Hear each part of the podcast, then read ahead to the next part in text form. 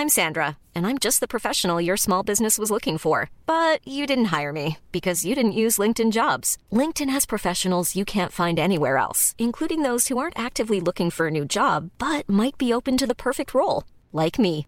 In a given month, over 70% of LinkedIn users don't visit other leading job sites. So if you're not looking on LinkedIn, you'll miss out on great candidates like Sandra. Start hiring professionals like a professional. Post your free job on linkedin.com/people today.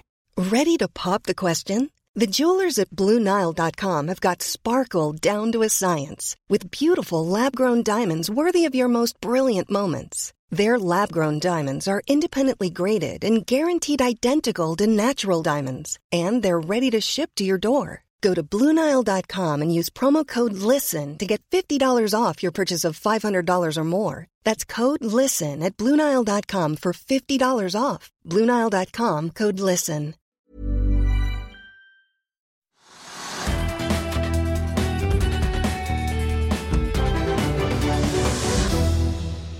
Hei og velkommen til Økonominyhetene. I dag har vi med oss sjefen i Selvåg bolig, Rolf Thorsen. Kanskje vi får høre hvorfor eh, aksjen er i all time high i dag igjen, som den også var i går, og på onsdag. Vi har også med oss eh, oljeanalytiker Nadia Martin Wiggen fra Pareto Securities.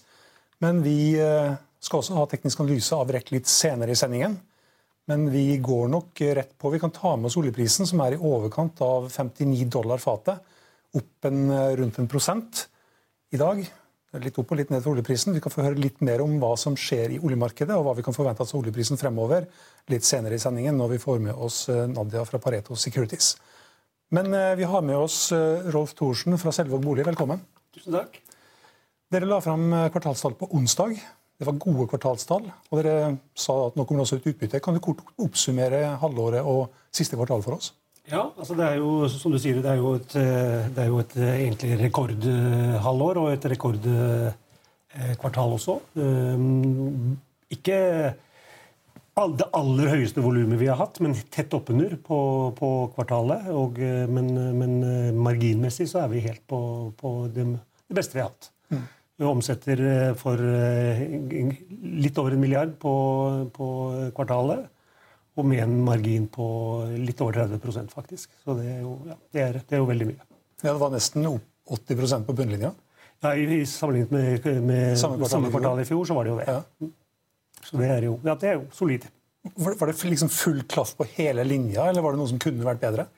Altså, vi, er jo, vi er jo i et marked som kunne ha vært bedre. Så vi kunne jo i et bedre marked ha solgt enda mer. Vi har, mer, altså, vi har kapasitet til mer. Eh, men, eh, men eh, ellers så må jeg jo si at vi, ja, vi, har, vi må være veldig fornøyd. Og, og, og, jeg kan ikke peke på noe annet enn det som i hvert fall kunne ha gått vesentlig bedre. Da. Så I et bedre marked så kunne det vært bedre, men i det markedet vi har, så var det full uttelling? Jeg tror jeg kan, jeg må, må, må nesten si det. Ja. Så du kom på en måte til dekka bord, for du begynte vel 1. mai? Så du fikk med liksom par måneder, da. Ja, det er riktig, det. Så eh, jeg, jeg, kan vel ikke med hånda på hjertet si at ja, dette gode resultatet skyldes meg. Det, det, det, sånn er det. Men eh, ja. det er, uansett så er det jo veldig morsomt å være med på. Mm. Og eh, det er klart det å komme inn i et sånt system og et sånt bedrift som leverer Og for så vidt så er det jo, du kan si selv om dette er, er resultat på et nivå, veldig høyt nivå, så, så, har man jo egentlig levert nesten oppunder dette sånn jevnt over over tid i, i, i lang tid. Så, så, det er jo ikke en sånn enstaka kvartal, flakskvartal, for å si det sånn. Det er, det er, det er riktignok litt i overkant, men dog liksom på dette nivået nesten man er på.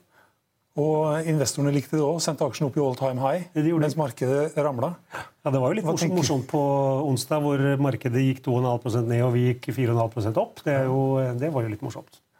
Har du mange aksjer sjøl, forresten? Nei, ingen, ingen ennå. Jeg har ikke rukket det ennå. Jeg, liksom vært, nei, jeg har rett og slett ikke rukket det ennå. Mm. Men jeg skal selvfølgelig også inn og, og, og eie aksjer etter hvert. Mm. Det er jo noe eh, har jo vært litt på, på, noen innsidelister og sånt nå en, en liten stund. da. Ja. Hvordan ser markedet ut egentlig? Har det, har det endra seg noe fra starten på året, tror du? Altså Hvis vi ser det sånn som det er nå? Nei, det tror jeg ikke. Jeg tror ikke det er noen vesentlig endring i, i markedet. Du snakker om nybolig? Ja, ja, det, ja, riktig.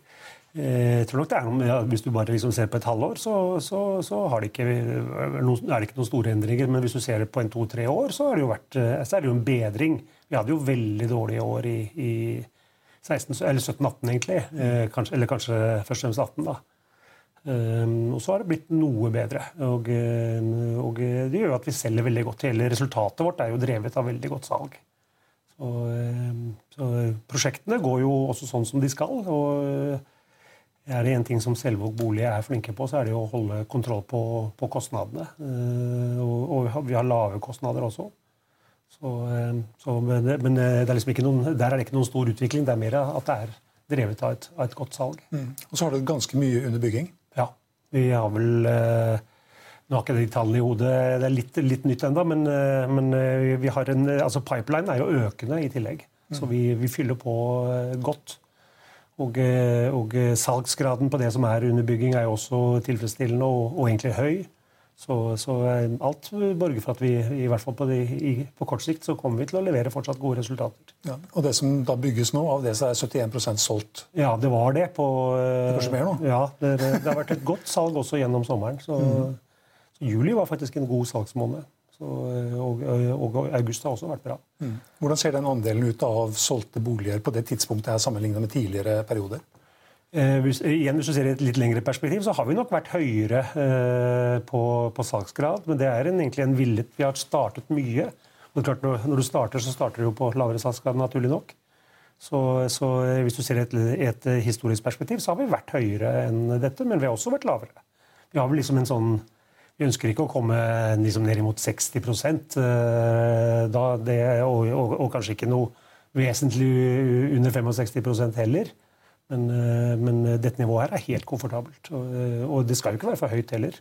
Vi, noe av ideen er jo at vi, vi forhåndsselger 60% før vi begynner å bygge. Mm. Og så ønsker vi jo egentlig å selge ganske lineært derfra ut. Vi ønsker egentlig ikke å, at det skal gå for fort. Og vi ønsker jo å, kunne ha muligheten hvert fall, for å kunne ta ut mer på prissiden mot slutten av prosjektet. Ofte så er kunden villig til å betale litt mer når, når det nærmer seg ferdigstillelse, om man virkelig ser hva man får. Da, for, å, si det sånn. Så, uh, Av det som er helt ferdig, klart for levering, mm. er det noe som er usolgt? Ja, vi hadde, vi hadde noen usolgte også eh, nå ved, ved utgangen av annet kvartal. Og, eh, og, eh, men det var for så vidt også en litt villet utvikling. Vi hadde to store prosjekter som ble, ble ferdigstilt og overlevert rett før eh, kvartalsslutt. Og vi kunne jo si, pumpet de siste leilighetene ut i markedet med litt rabatter og sånt. Men det valgte vi ikke å gjøre. Og, og faktum er vel at vi har solgt nesten alle de nå. Mm. Og, og i tillegg, så sa du alle ti? Nei, alle de, sa jeg.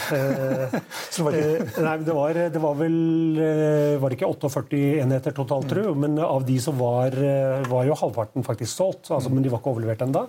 Og så har vi solgt Jeg skal, ikke si at vi har solgt alle, men vi har solgt mange av de, de siste også i perioden siden kvartalsslutt. Mm.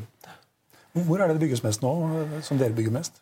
Det er Stor-Oslo som er primærmarkedet vårt. Så Vi har jo eh, store prosjekter på Løren, vi har store prosjekter på Ensjø, vi har eh, på, på Håvind, vi har på, i, på Økeren. Eh, de drar mye. Så har vi stort prosjekt på Lørenskog rundt denne skihallen ja. der oppe. Der eh, Stasjonsbyen heter det. Og så er vi i ferd med å starte nå et stort prosjekt på Skårer. men det, ja, det, er, si, det er Stor-Oslo hvor det er aller mest. Men vi har også vi, brukbar virksomhet i Stavanger. Vi har uh, veldig fine prosjekter i, i Trondheim også, og, og, der har vi solgt uh, Trondheim, Nei, i Stavanger det, har det vært uh, ikke bra salg i år. Nei, men faktisk litt salg i juli. Mm. Mens Trondheim går og jevnt og trutt. Og der vi, starter vi et veldig spennende prosjekt nå også. Mm. Er det Stavanger som er liksom de usolgte, eller? Nei, eh, det er nok eh, faktisk i en til viss grad i disse store prosjektene mm. i Oslo som, eh, som, ble avsluttet rett før. Ja, hvis ikke husker helt feil, så var det 1300-1400 boliger som er under bygging nå? er det det? Ja, ja i den størrelsesorden. Ja. Ja. Hvordan ser det ut fremover? Altså, nå har vi jo hatt litt sånn uroligheter på børsen, bortsett fra, fra, fra selve bolig. Da. Hvordan ser dere markedet an fremover? Eh, altså, kan si Markedet vårt, vel, eller det som påvirker det, er jo eh, vi kalle det befolkningsvekst i de områdene hvor vi er. Eh, og, og den totale finansielle situasjonen. egentlig. Og det er klart Vi, vi satser egentlig kun på de områdene, på de urbane områdene, på de store byene. Der er det tilflytting, så, så vi har befolkningsvekst. Særlig på Oslo og Akershus er jo en, eh, en ja, eh, Å kalle det betydelig, men det er i hvert fall en, en bra befolkningsvekst. Det er vel ca. en knapp prosent på Norge i befolkningsvekst nå, men av det er det faktisk over 50% som, som skjer i Oslo og Akershus. Mm. Så, den, eh, så, det er et trykk på, på, på etterspørselssiden. Og det fylles ikke nok på på, på tilbudssiden. Det er for få som har, prosjekter som har startet. Det er rett og slett også for få prosjekter som blir regulert, særlig i Oslo. I, I, kommunene rundt så har de jo vært flinkere, men i Oslo så var det jo i fjor regulert bare 815 boliger. Og hittil, eller til og med utgangen av første kvartal i år så er det vel knappe 1000 boliger som har blitt regulert. mens mens eh, behovet er, er vel ja, eh, Prognosesenteret har vurdert det til, til 9000 boliger. boliger. Jeg skal stoppe den telefonen som står og ringer. du er der, ja.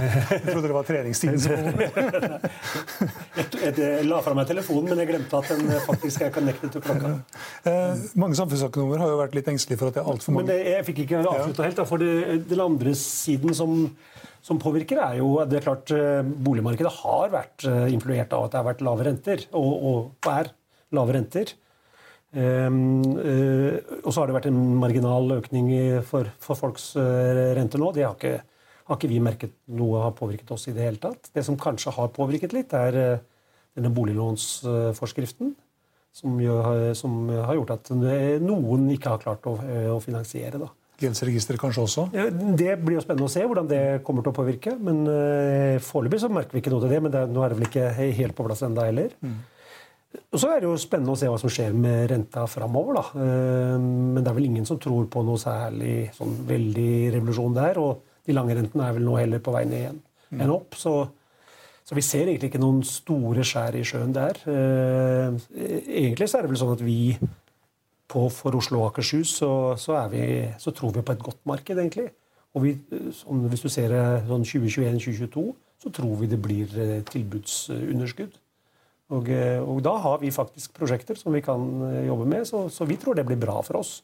Men i et lengre perspektiv så er det jo ikke bra. Og ut ifra et skal vi kalle det mer sånn samfunnsperspektiv så er det jo heller ikke bra.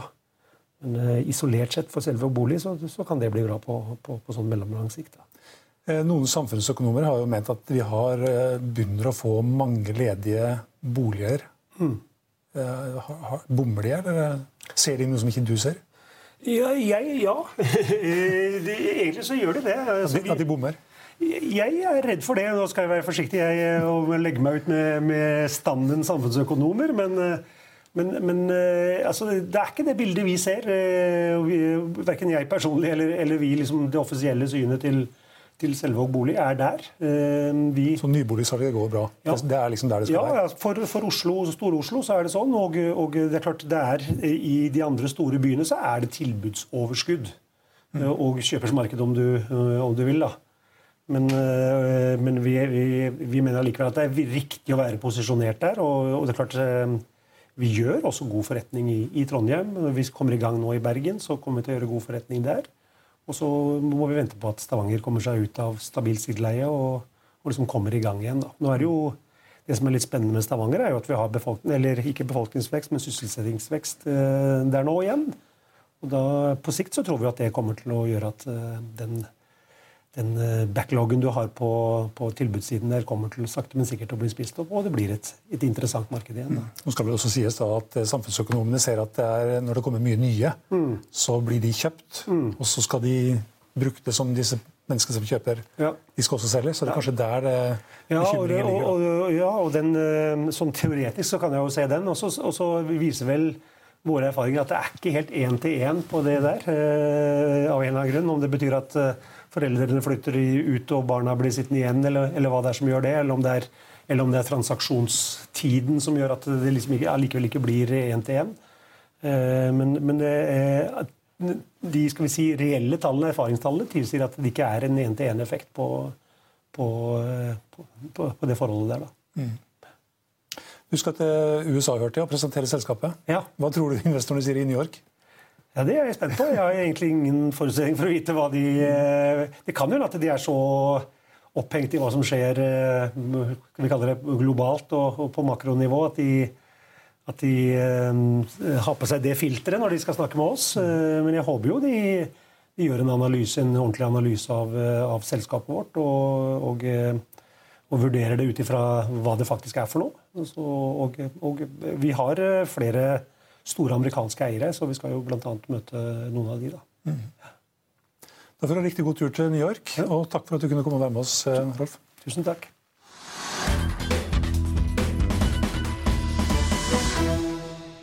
Ja, da har vi med oss eh, Nadia Martin Wiggen i Parete Securities. Welcome. Thank you. The, uh, the oil price is now a little lower than 59, down on $58. dollars mm -hmm. um, what's driving the market right now? Demand concerns, and demand concerns especially around 2020. So last year we had demand concerns uh, that hit in October, um, as we saw that continued through year end, and then by the first quarter, um, the market had calmed down, and we did expect uh, to see demand growth over the course of this year. Now, again, the market sees that there is strong demand now, still for oil in particular, uh, in the third quarter. We see stocks drawing. However, for next year, we are very concerned that actually demand growth will not grow, will not make up for all the additional supply we see coming into the market. Yeah, it looks like we have a oversupply Yes, in 2020. Not now? Uh, in this exact quarter, this third quarter, actually, we see the market as tightening because we have Saudi Arabia uh, overcutting. Saudi Arabia has cut 1 million barrels per day um, since uh, the cuts were agreed at an additional 700,000 barrels per day, more than they are required to um, by the agreement. Um, and we haven't had as much growth. Um, in the US as we see continuing through year end. So the US ha- has grown some, but we actually see that steepening um, into the fourth quarter um, because the price uh, was as strong as it was during the first quarter. So, you know, when we were in December looking at how things um, would be in 2019, we saw a lot of price pressure and that potentially the market could be trading, you know, in around $56 uh, Brent and that would then put WTI, the, the US marker, below $50, and then that would shut in a lot of the US shale activity. The market, however, traded much stronger already in the first quarter, It continued to strengthen in the second quarter, and that led to a lot of US production activity that. It's that time of the year. Your vacation is coming up. You can already hear the beach waves feel the warm breeze, relax, and think about work. You really, really want it all to work out while you're away. Monday.com gives you and the team that peace of mind. When all work is on one platform and everyone's in sync, things just flow wherever you are. Tap the banner to go to Monday.com.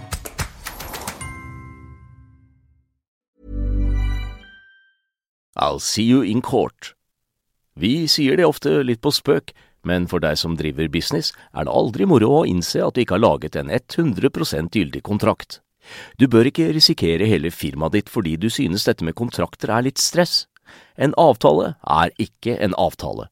Du kan miste kunder, miste venner, ja, til og med miste inntekter om du ikke lager en skikkelig kontrakt, på alt mulig, egentlig. Men vi vet det er et styr. Kopimaskiner, treg printer og haugevis av papir.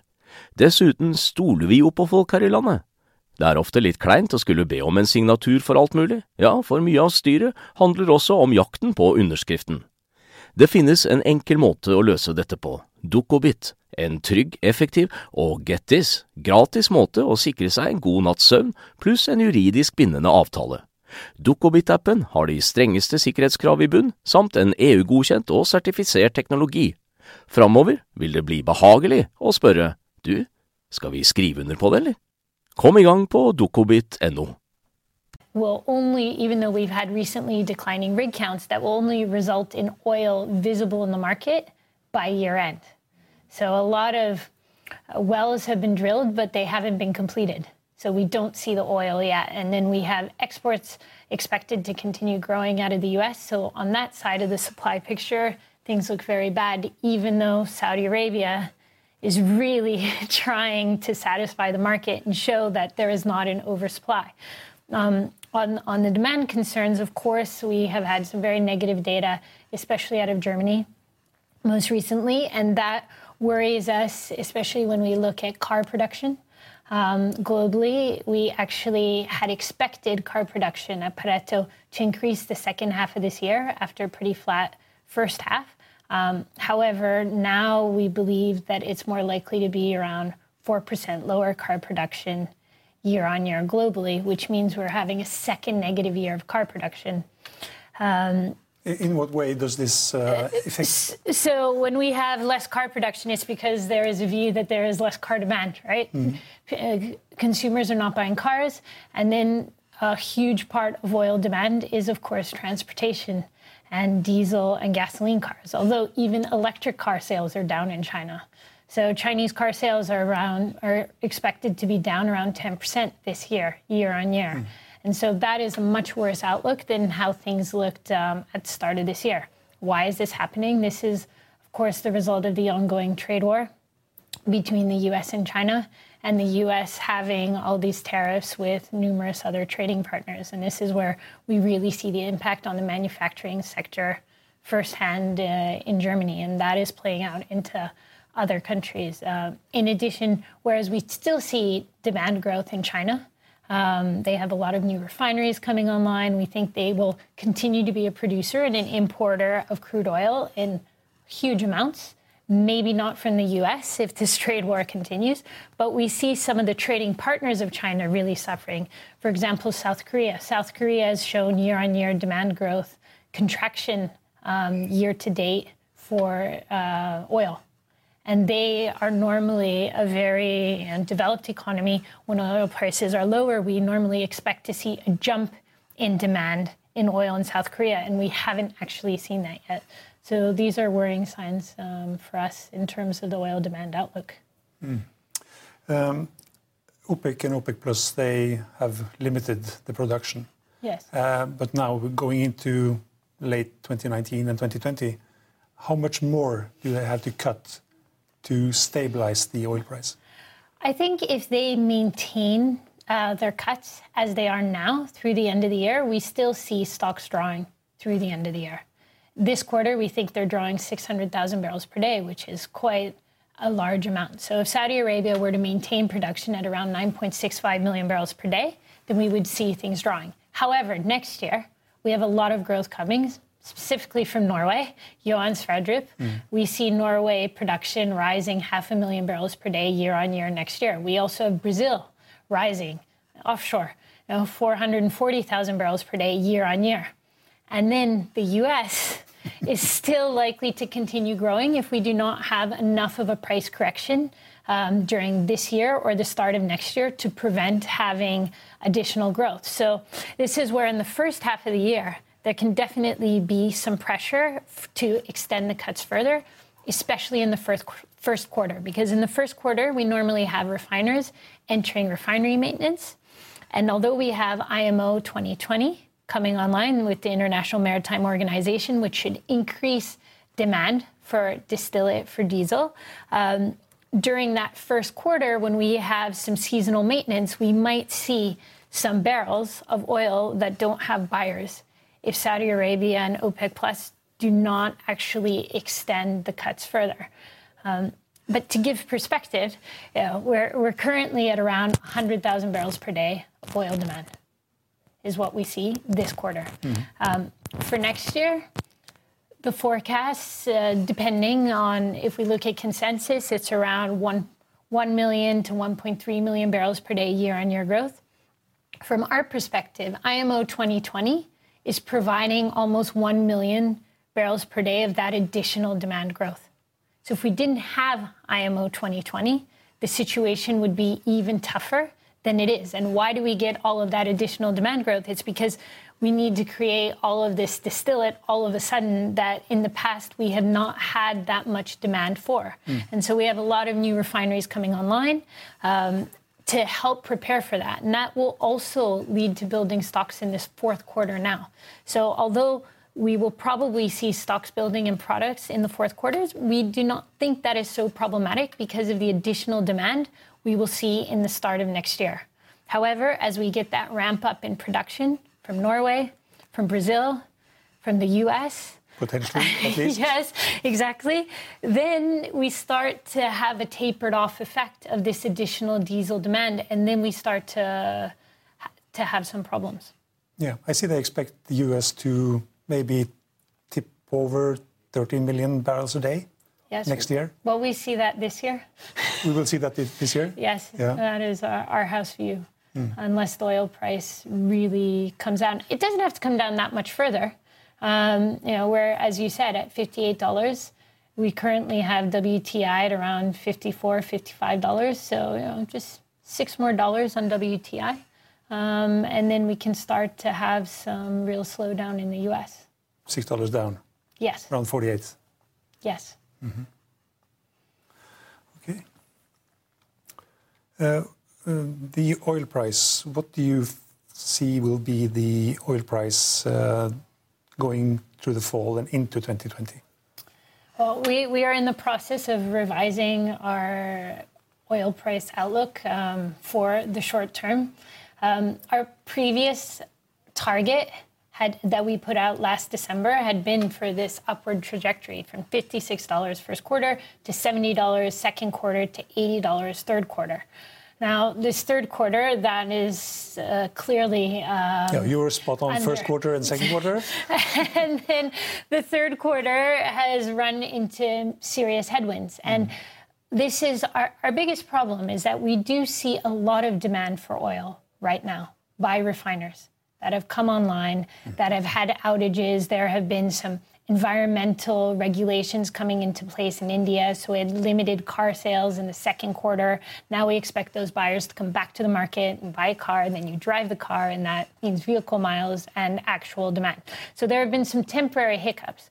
However, because the world is so concerned about demand and GDP growth fears on a global level, we believe that puts a limit on how high oil prices can go because then we will get an even stronger reaction of what we had last year when the market was very concerned that, oh, you know, it can't tolerate such high oil prices. And initially, when we set the $80 target, that was what we felt the market could handle. But instead of having the US China trade war de escalate, it's actually escalated. Mm. Um, we do see central banks stepping in, cutting interest rates, whereas India was raising them last year. Now they're cutting them. The US whereas they were raising them or cutting them. But of course, it takes time for this to affect the economies um, and really help um, help the consumer. So we we see that you know th- this price will will need to be lowered. And for next year, we had initially said seventy eight dollars um, as an average price, and this is where you know as these recessionary fears um, rise to the forefront of investors' minds, even if we don't have a recession come to the forefront. Mm. It definitely um, limits how much oil prices can rise, even if everyone is trying to buy everything that's available. So this is what you're putting into your model right now? Yes. Well, well that, what, that is part. what do you think will come out? Part, part, part of. Uh, when you hit return. Well, it's uh, we it, we, we're looking at several scenarios because, of course, there is if there's the de-escalation of the China-U.S. trade war, and then China starts buying oil again, mm-hmm. then you know, that can raise prices very quickly, ten dollars. Um, if, on the other hand, we start to see that the stimulus in China really isn't working, and China is not willing to do more about it, then you know, we, we, we see downside even from where we are not, now. Not that much downside um, because we are starting to get as low as break even prices and when activity needs to be halted um, in, the, in the US. So there's, um, from our perspective, there's more potential upside um, than downside, given where the price is already now. So even if there's yes. uh, spare capacity and yes, even though the there there is spare capacity, we think the spare capacity will come into play if we have a, you know, a sudden closing of the Strait of Hormuz, for mm. example, before Saudi Arabia has completed building pipelines um, westward, mm. where they're planning to be able to export five million barrels per day, mm. and then the Strait of Hormuz problem becomes a non-problem. Well, it's still a problem for a couple. How long will it take to do this? Well, they're they're hoping to do it in six months. We'll see hmm. if uh, that's possible. But our viewpoint as well is, you know, even if we had that closure of the strait, is it would be a very temporary situation. You know, it's the most practiced U.S. military exercise, I think, by the Navy. So it's. Uh, all eyes are on that area to make sure it's not clogged up. So I think it, our view at Pareto is it would still be only a temporary concern. But it's more for things like that that spare capacity would come into play. We're, of course, now in hurricane season still in the U.S. So if we had a hurricane really hit, um, you know, the U.S. Gulf Coast and hit uh, the platforms more seriously than we saw with Barry, then of course that could be another situation where the spare capacity could actually come into play. But you know, OPEC Plus really wants a stable oil price, and in addition, they would prefer, um, we believe, a higher oil price. So they're yeah, not going to they're not going to flood the market um, as they did last year, especially when they miscalculated how much demand um, had slowed versus their expectations. So they will be much, much more careful this year. Is there any risk for Iranian oil to come back into the market? Uh, well, we believe there is still some oil coming into the market. Mm. Probably 500,000 barrels per day is still getting exported, um, especially to China. Um, this, again, US China trade relations uh, mm. are important. Um, in terms of a comeback, uh, closer to one and a half, two million barrels per day. No, we do not see that uh, as a short term. Do you think China could sneak out some more oil from? Well, they could. they could sneak out a bit more, maybe two hundred thousand barrels per day, but not enough to tip the balance. Mm. So that you know, right now we expect stocks to be drawing around six hundred thousand barrels per day. So we don't see them uh, increasing imports by that level. Um, so, what's your range for the oil price? You don't have to be spot on. What's your range for, let's say, into 2020? Into 2020? Wow. Into meaning before 2020 or through 2020? What, how high? In, into 2020, fall 2019 and into 2020, first quarter, second quarter. quarter. It's in second quarter we really see a lot of strong demand coming for oil. So if, taking that the recession is no longer yeah, but issue? this is but it's also because of what we expect in terms of tanker traffic and IMO 2020. Okay. And uh, you know we had zero growth in India, for example, this year. So the likelihood we will have again mm. zero growth is. Um, is, is very low. So that's why the second quarter, actually, which came out much worse than expectations, um, will probably be quite strong next year. So that would probably um, dictate the, the high point. Of course, it will depend on how the GDP outlooks are by then. Uh, a lot has to has to change uh, in between now, but um, I think we we do see that the market should strengthen from where it is now over the course of that period um, and probably in the second quarter, if we have a good GDP global development, um, be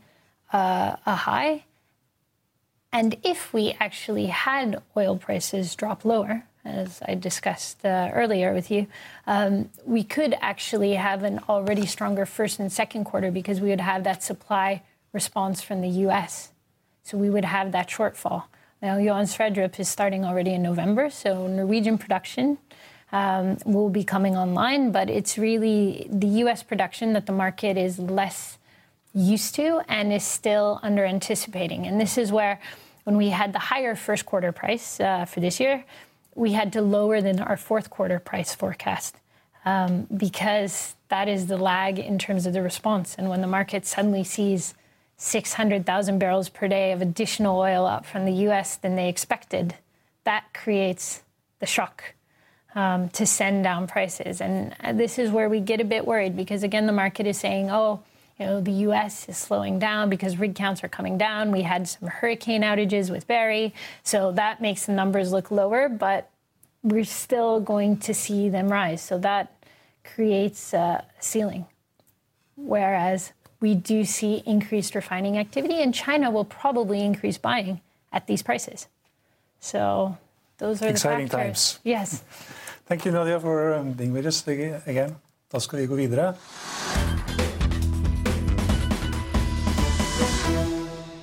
I Finansavisen i morgen så kan du lese om eh, vin mot eh, makro, skatt og startups. Trygve Egners leder, selvfølgelig. Innsideporteføljen får du også. Gründerens profesjonelle døråpner, Lauga Oskarsdottir, kan du også lese om. Du kan også lese om det lille hotellet Risør som vil spise kirsebær med de store. Og byggeplassen i Bodø, der det nå bygges, investeres for milliarder i nye boliger, hoteller, leiligheter, flytting av en flyplass, bygging av en ny og en helt ny bydel. Husk også at du kan høre vår børskommentarer og gjesteintervjuet på Hegnapodden. Den finner du på Hegnapodden på hegnar.no. Du finner den også på Soundcloud, Soundcloud, iTunes og Spotify. Det var det vi hadde for i dag, men vi er tilbake igjen på mandag klokken 15.30. Følg med oss igjen da.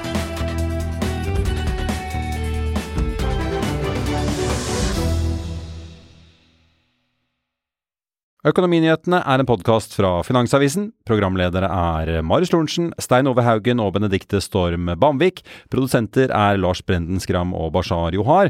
Og ansvarlig redaktør er Trygve Hegnar.